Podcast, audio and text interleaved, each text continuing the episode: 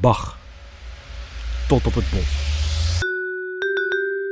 In het jaar 2015 verscheen mijn roman Goldberg. Die gaat over de beroemdste leerling van Johann Sebastian Bach. Veel mensen denken dat ik het macabere hoofdstuk over het opgraven van het gebeente van Bach in de 19e eeuw heb verzonnen. Maar het is echt gebeurd. In deze serie podcast probeer ik uit te zoeken hoe Bach tegenover de dood stond en wat er met zijn stoffelijke resten gebeurde nadat hij in 1750 overleed. Ik was van plan naar Leipzig af te reizen, maar corona verhindert dat en uiteindelijk beland ik, op nog geen kilometer afstand van mijn huis, op een plek waar alle verhalen over Bach en zijn gebeente samenkomen.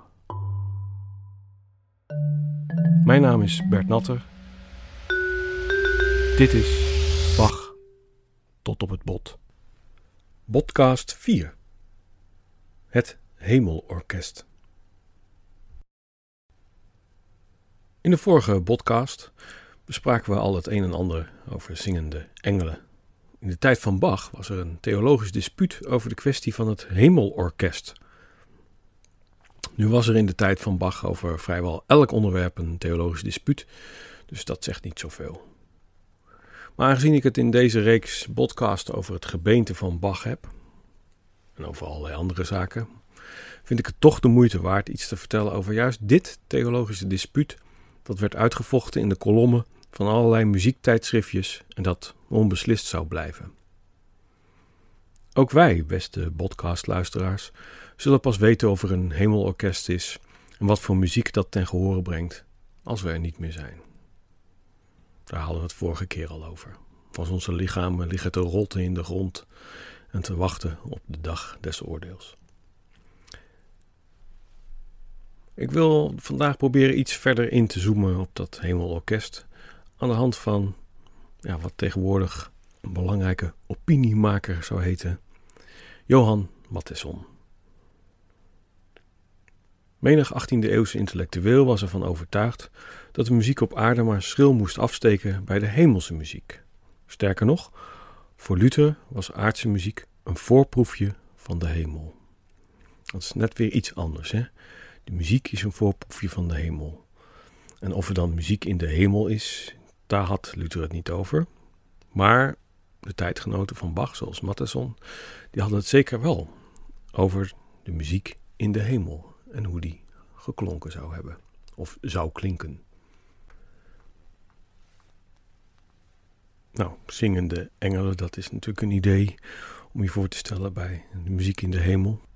Maar de geleerde tijdgenoten van Bach waren er heilig van overtuigd dat er in de hemel ook instrumentale muziek zou klinken. En de vraag die dan rest is: hoe dan? Het idee van een hemelorkest is overigens niet typisch iets 18e eeuws.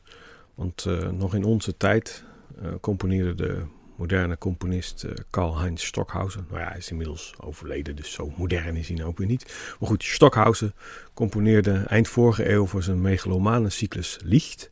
Niet alleen een strijkkwartet, waarbij de vier muzici letterlijk ieder in een eigen helikopter naar de hemel opstijgen, maar ook het stuk Orchesterfinalisten, waarin allerlei blazers auditie doen voor het hemelorkest en het publiek wordt omgeven door elektronische klanken uit luidspreker.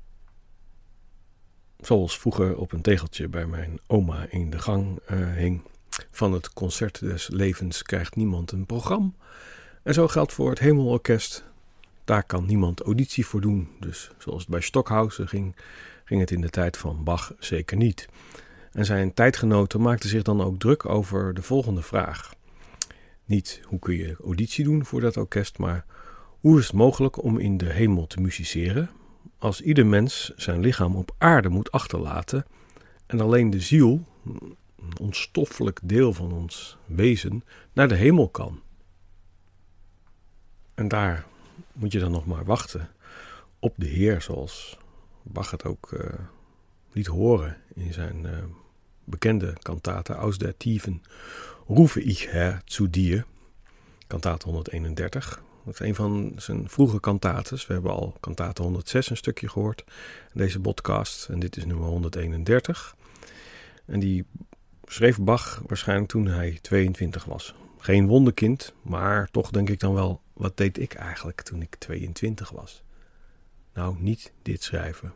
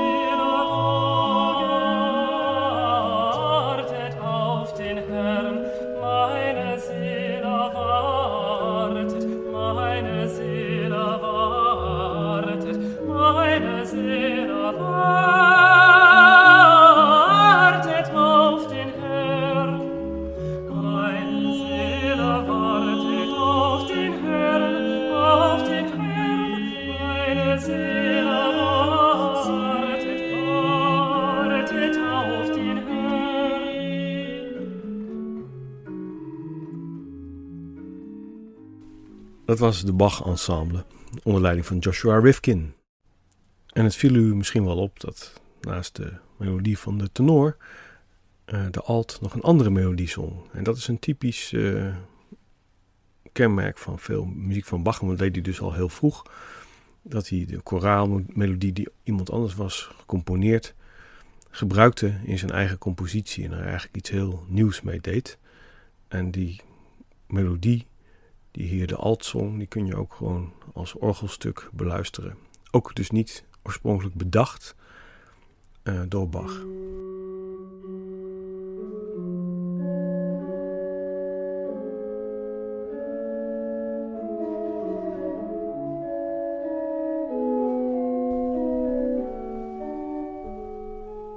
Dat was iets dat Bach dus al vroeg deed. Hij nam de melodie van iemand anders en gebruikte die in zijn eigen werk. Maakte die eigenlijk zo eigen dat hij integraal onderdeel werd van zijn eigen compositie.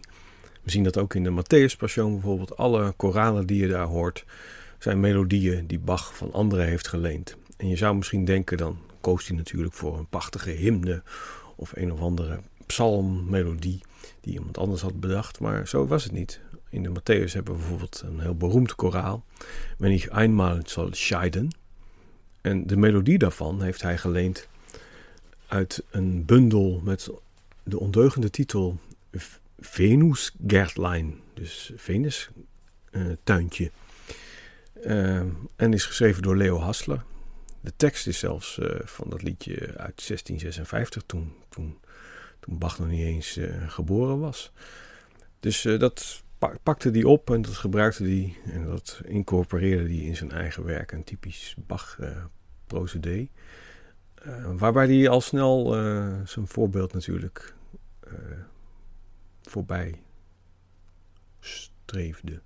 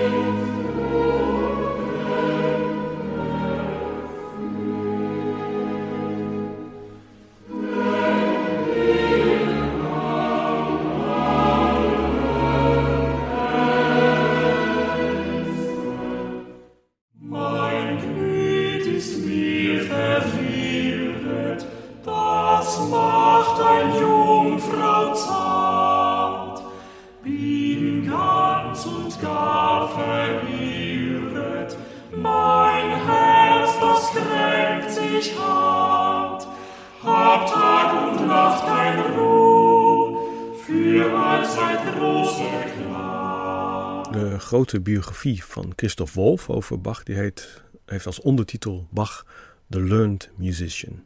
En je hoort hier ook steeds weer hoe Bach zich eigenlijk baseerde op de muziek van eerdere componisten. Van mensen die die kenden, melodieën die die kenden. En daar had hij een enorm uh, talent voor, maar hij was dus ook heel goed daarin onderricht.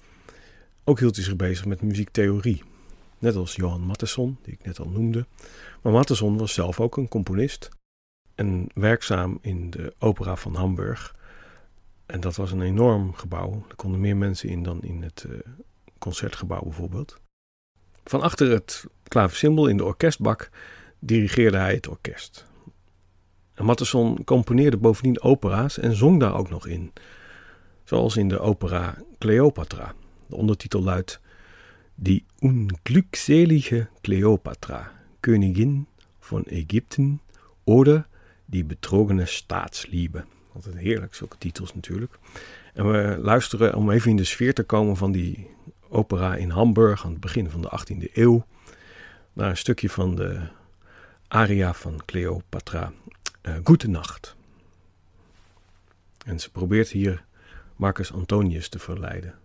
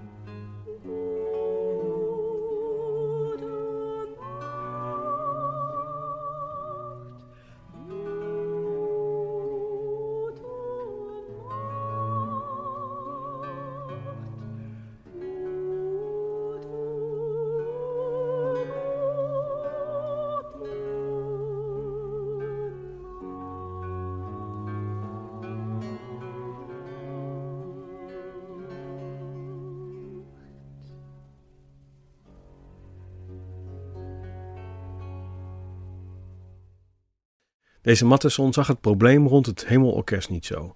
Als de Heer in staat was om een in de grond rottend lijk om te toveren tot een onvergankelijk hemels lichaam, dan zou het voor hem toch ook niet zo'n probleem moeten zijn om onvergankelijke muziekinstrumenten te maken. Dus muziekinstrumenten die op zijn Duits verklaard waren. Dat wil zeggen, van stoffelijk veranderd in onstoffelijk en eeuwig. De redenering van Matteson was natuurlijk niet echt een verklaring, vonden anderen. Iedereen die wel eens een doodshoofd heeft bestudeerd, zal het zijn opgevallen dat er geen oren meer aan zitten en geen hersenen meer in. Zou er dan in de hemel een andere manier zijn om de muziek van die prachtige, door de Heer persoonlijk verklaarde muziekinstrumenten te kunnen horen? Ja, dat moest mogelijk zijn, vonden sommige theoretici. En ze kwamen uit op een muziek die het menselijke voorstellingsvermogen ver te boven gaat. En als je de discussies uit die tijd leest, dan proef je gewoon dat zelfs de meest vrome theoretici het desondanks lastig vonden om te denken dat er mooiere muziek bestond dan de muziek die ze zelf hoorden, kenden en soms maakten. Het is onmogelijk om uh, te zeggen of ze speciaal aan de muziek van Bach dachten als ze zoiets verklaarden. Maar duidelijk is dat ze halverwege de 18e eeuw diep in hun hart wisten Mooier dan de muziek die stervelingen zelf op aarde maken, zal het niet worden. En daarbij sloten ze ook een beetje aan op de gedachte van Luther natuurlijk. Die zei, die muziek op aarde, dat is een voorproefje van de hemel. Hij zei niet, het is een voorproefje van de muziek in de hemel. Nee, het is alleen een voorproefje van de hemel. En Luther achtte muziek dan ook heel hoog. En Bach natuurlijk idem dito. Ook al werden de speculaties over het hemelorkest gevoerd vanuit een oprechte, vrome belangstelling, toch zie je de twijfel van de verlichting al een beetje doorcijpelen. Het idee van het hemelorkest tot het einde toe doordenken vergt een rotsvast geloof in het onmogelijke. De muzikus moet sterven, zijn ziel moet in de hemel komen, het muzikale talent moet blijven bestaan, hij heeft zijn lichaam daar ook nodig. Er moeten verklerde instrumenten staan of hangen die op de een of andere manier te bespelen zijn. En er moeten zintuigen bestaan om die muziek ook daadwerkelijk waar te nemen in de hemel. En dan zou die muziek, die daar te horen is, mooier zijn dan de Matthäus van de oude Bach uit Leipzig? God mocht willen dat hij zulke mooie muziek in de hemel kon maken. Vroeger zeiden mensen: in de hemel bestaat geen bier, daarom drinken wij het hier. En daar wil ik graag op aansluiten met: straks in de hemel hebben we misschien geen oren, dus laat ons hier op aarde Bach maar horen. Een van de problemen van een grootheid als Bach is dat hij het licht wegneemt bij alle figuren die in zijn schaduw staan. En ze staan daar ongetwijfeld terecht, maar soms is het ook wel heel erg jammer. En Matheson is een van de voorbeelden. Dus daarom wil ik nu niet naar Bach luisteren, maar naar Matheson. Nog een aria uit de opera Cleopatra. Na de zelfmoord van Marcus Antonius maakt Cleopatra zich op voor haar eigen zelfgekozen dood. En wie dit niet mooi vindt, die is van steen.